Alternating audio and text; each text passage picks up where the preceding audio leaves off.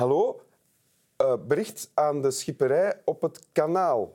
Turnhout-Dessel ligt de scheepvaart gestremd aan brug 5 te Arendonk. Alsjeblieft, en dan kunnen we nu over tot de orde van de dag. Welkom bij Winteruur, welkom in Winteruur. Eh, Elisabeth Lucie Baten, jij bent auteur Ja. in eh, de ruime zin van het woord, want je hebt al scenario's geschreven voor verschillende reeksen die eh, ook zijn gemaakt Mhm. en te zien geweest. Eh, en boeken, onder andere een kinderboek. Ja. Weet, hoe heet het? En ze, En ze leefde nog. Ja. Ja. En ze leefde nog, puntje, puntje, puntje. Ja. Een heel succesvol kinderboek dat al aan zijn zesde, bijna zevende drukte Ja, ja, ja. Ja, ja. proficiat Dank daarmee. u wel. Daarnaast heb je ook een podcast en je bent een Instagram-fenomeen. Dat wordt al eens gezegd. Want je bent in geen tijd van eh, een paar tienduizend luisteraars, wat al veel is, eh, kijkers, pardon, bezoekers, hoe noem je de abonnees? Ja, volgers. Eh, naar 160, 100 156.000. 156.000 Ja. gegaan. Proficiat daarmee. Dank u. Levert dat eigenlijk iets op?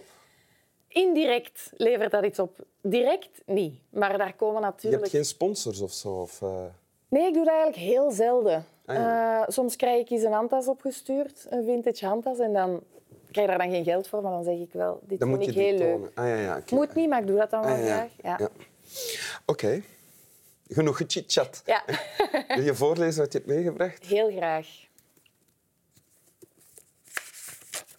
En je bent ook nog eens mama van twee kinderen. Ja. Sorry, dat wou ik nog even vermelden. Dat is ook belangrijk. Ja. Vrouwen worden met pijn geboren. Dat is ons lichamelijk lot. Pijn van uw regels, pijnlijke borsten, bevallen, je kent het. Wij dragen dat in ons, doorheen ons leven. Mannen niet. Die moeten daar naar op zoek. Dus die vinden dingen uit, zoals goden en duivels, zodat ze zich schuldig kunnen voelen over dingen. Daar hebben wij geen hulp voor nodig.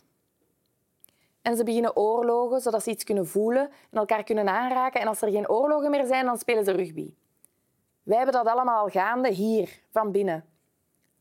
Wij voelen pijn in een cyclus voor jaren en jaren en jaren. En dan net wanneer je denkt dat je het snapt, dat je er oké mee bent, wat gebeurt er dan? Dan komt de menopauze. En dat is het meest fucking geweldige ding in de wereld. Ja, je bekkenbodem is kapot en je hebt het fucking warm de hele tijd en niemand geeft erom. Maar dan zet je vrij. Geen slaaf meer, geen machine met onderdelen meer. Je bent gewoon een persoon. Een persoon in business.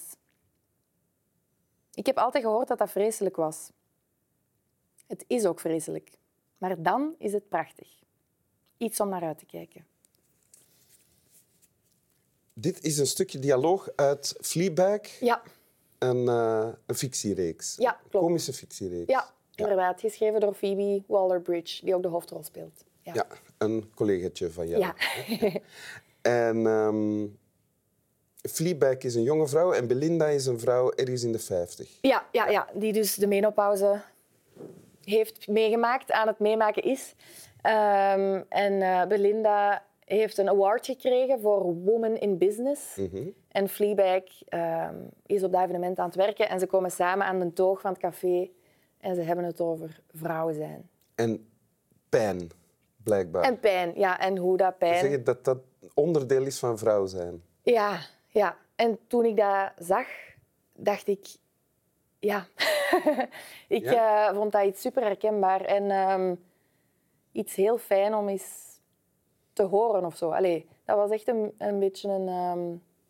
Allee, een, niet een eye-opener, want ik wist al wat er bij mij gaande was, maar een heel fijn, herkenbaar moment voor mij, die scène. Omdat je... Wacht. Omdat je voordien dacht, ik ben de enige? Of, of ik eh, Ehm, meer... Niet per se, ik ben de enige, maar, eh, maar dat dat effect heeft op hoe dat wij zijn. Dat was eh, wel voor mij een belangrijk besef. Dat ik allicht al wel ergens wist, maar dat nog wat onderhuid zat. En nu ehm, dacht ik, verdorie. Ja. Over welke pijn gaat dat dan? Is dat de pijn van een maandstond? Ja, de- Bij mij bedoelde? Of ja, of bij eh, allebei? Ehm, ja, ik denk dat er eh, vrouwen zijn die elke maand heel hoge niveaus van pijn hebben. Eh, er zijn bijvoorbeeld heel veel vrouwen met endometriose die pas super laat ontdekt wordt. En dat is een, een aandoening waardoor Ja. je heel veel pijn hebt. Ik ken het woord nog maar een jaar, denk ik. Voilà.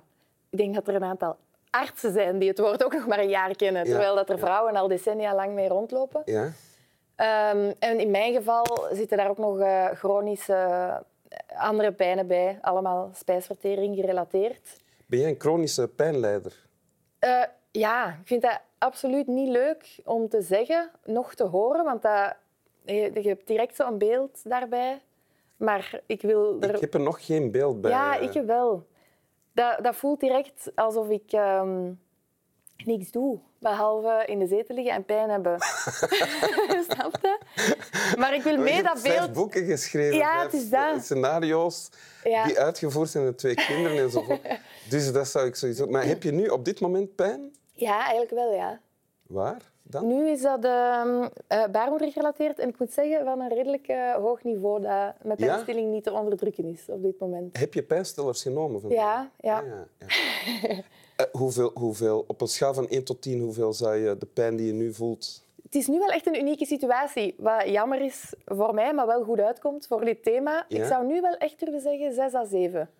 Oké. Het is wel echt redelijk pijnlijk nu. Ja. Ehm, en, en, maar dat is niet standaard, hè. dat is niet elke dag dat ik... eh, Als ik, als ik veel pijn heb en toch moet functioneren, eh, dan, heb ik, dan word ik prikkelbaar.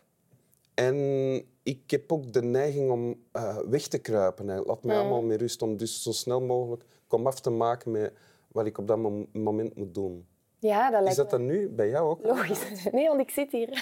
ik wil hier wel wat gaan liggen eigenlijk. Maar ehm, nee, nee, omdat dat zo... Maar herken je wat ik zeg? Ja, dat lijkt mij heel logisch. Ehm, maar als je natuurlijk op dagelijkse basis ergens pijn hebt, is dat niet echt een optie. Eh, want Nee. dan krijg je niks gedaan. Nee, ja.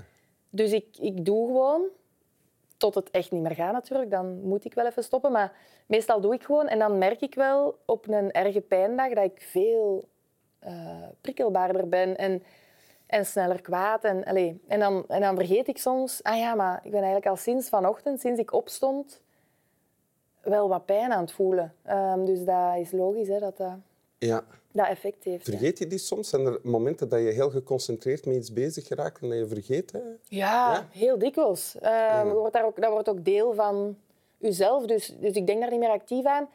En dat is wel iets dat denk ik veel mensen hebben die chronisch pijn hebben.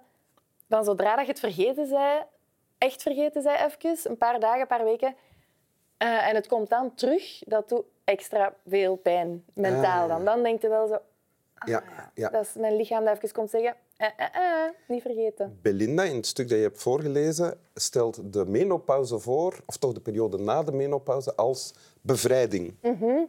Ja, Dus- goed hè? Kijk je uit naar de menopauze?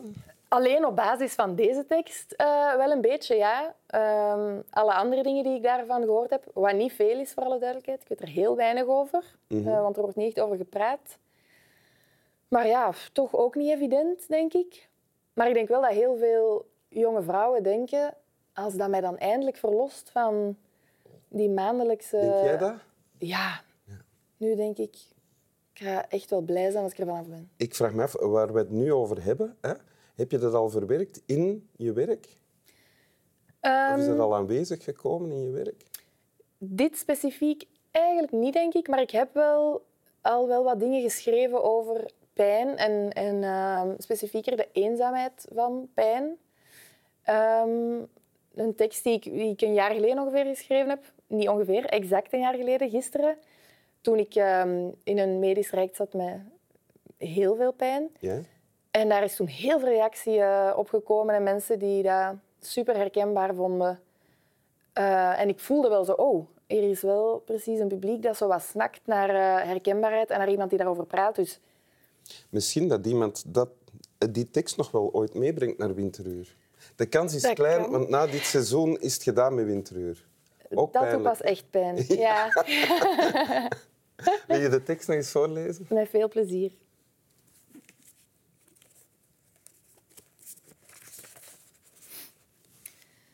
Vrouwen worden met pijn geboren. Dat is ons lichamelijk lot. Pijn van uw regels, pijnlijke borsten, bevallen, Je kent het. Wij dragen dat in ons door heel ons leven. Mannen niet. Die moeten daar naar op zoek. Dus die vinden dingen uit, zoals goden en duivels, zodat ze zich schuldig kunnen voelen over dingen. Daar hebben wij geen hulp voor nodig. En ze beginnen oorlogen, zodat ze iets kunnen voelen en elkaar kunnen aanraken. En als er geen oorlogen meer zijn, dan spelen ze rugby. Wij hebben dat allemaal al gaande hier van binnen.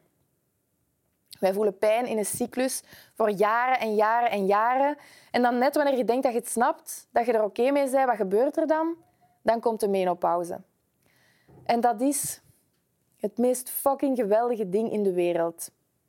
Ja, je bekkenbodem is kapot en je hebt het fucking warm de hele tijd en niemand geeft erom, maar dan zet je vrij.